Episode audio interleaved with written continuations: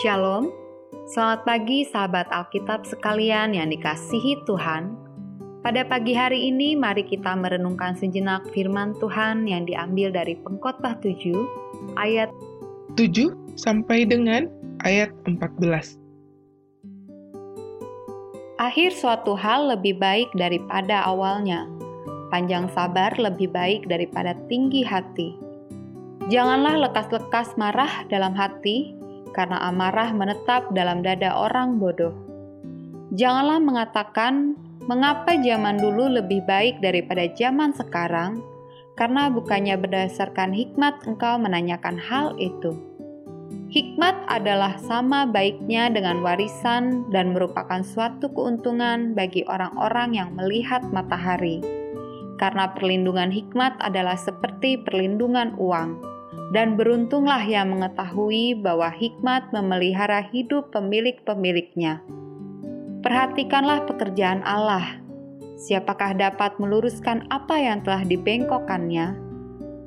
Pada hari mujur bergembiralah, tetapi pada hari malang ingatlah bahwa hari malang ini pun dijadikan Allah seperti juga hari mujur, supaya manusia tidak dapat menemukan sesuatu mengenai masa depannya.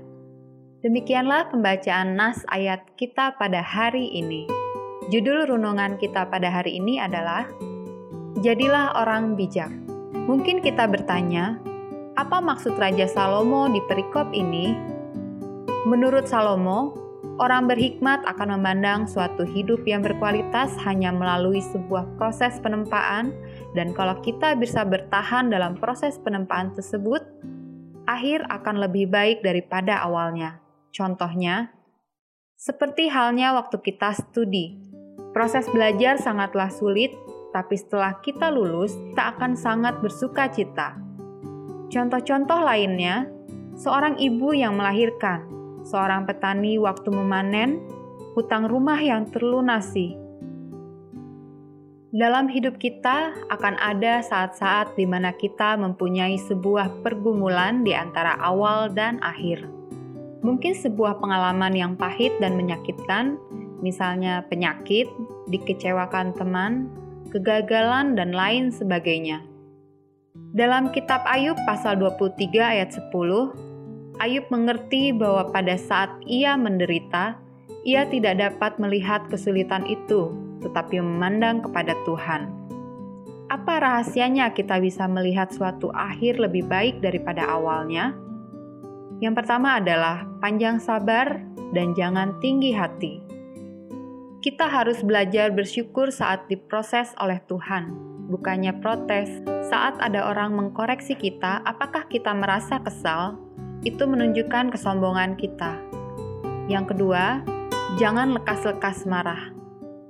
Orang sombong dan tidak sabaran akan marah atau putus asa saat ada ujian dia tidak akan melihat akhir hidup yang lebih baik karena dia tidak pernah merasa puas dan bisa menerimanya.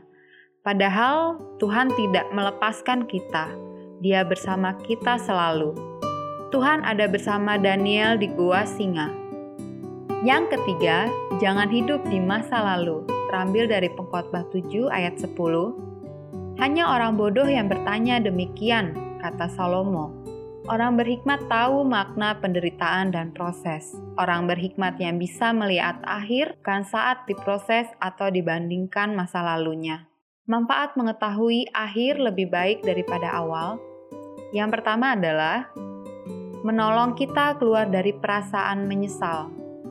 Di ujung tahun ini, kita mungkin akan diingatkan akan hal-hal atau kesempatan yang kita lewati, yang sudah hilang Penyesalan adalah ibarat sengat yang menyakitkan.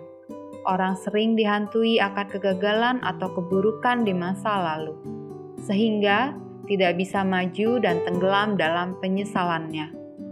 Banyak orang di akhir ajalnya atau ditimpa penyakit yang parah menyesal, tidak menghabiskan waktu bersama dengan keluarganya, atau tidak melayani Tuhan saat bisa. Menyesal karena masa lalu lebih baik kalau kita mau berubah dan bertobat. 1 Yohanes 1 ayat 9 Allah setia dan adil mengampuni dosa kita saat kita sungguh-sungguh mau berubah.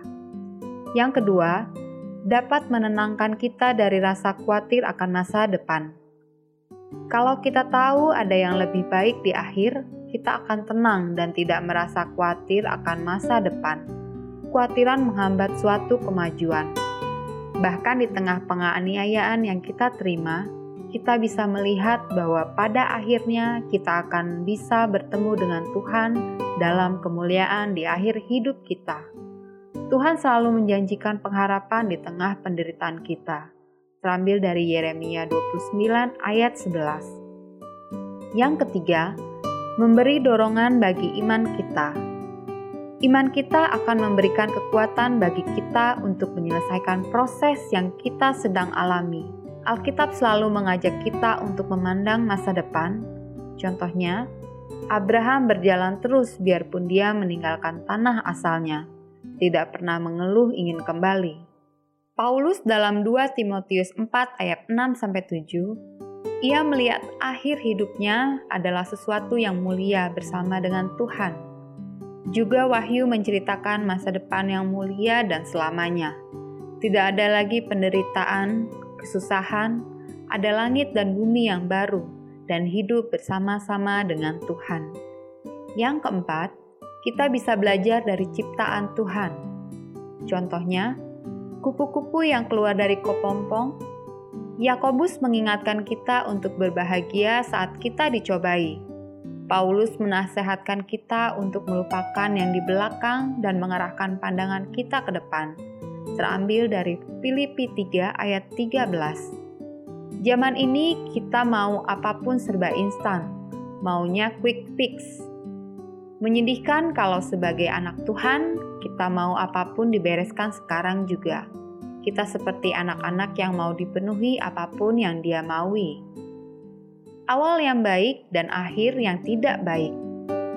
Dalam ayat 10 yang berbeda dengan ayat 8, Salomo menilai orang yang tidak berhikmat selalu melihat masa lalu dan mendewakan keberhasilan mereka di masa lalu. Mereka lupa keberhasilan masa lalu belum tentu bisa bertahan di masa yang akan datang. Raja Uzia, artinya power of Jehovah, terambil dari 2 Tawarik 25 sampai 26, dinobatkan menjadi raja saat berusia 16 tahun dan menjadi raja sekitar 52 tahun. Atas pertolongan Tuhan, dia menjadi raja yang baik di awalnya. Contohnya, mengalahkan tentara Filistin, membangun pertahanan-pertahanan, kejayaan militer dan agrikultur dan sebagainya. Tetapi dalam 2 Tawarik 26 ayat 16 ada sesuatu yang terjadi.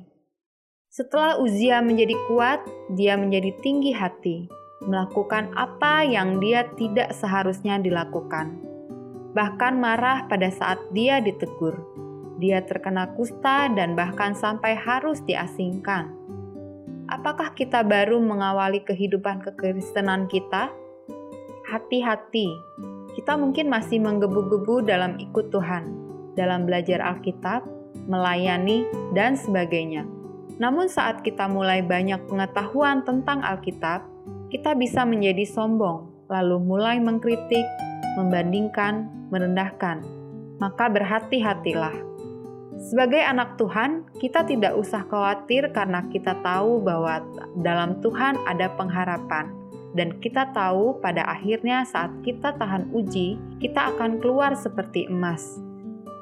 Dan kalaupun kita menderita penganiayaan sampai akhir, kita tahu akhir hidup kita lebih baik dari segalanya, yaitu bersama dengan Tuhan selama-lamanya. Pandang akhir bukan pada saat kita diproses. Kalau kita sedang dalam sebuah pergumulan yang berat, bertahanlah. Paulus melihat kemuliaan yang jauh lebih besar di akhir hidup kita, bahwa kita akan hidup bersama dengan Kristus. Demikianlah renungan kita pada hari ini. Salam Alkitab untuk semua.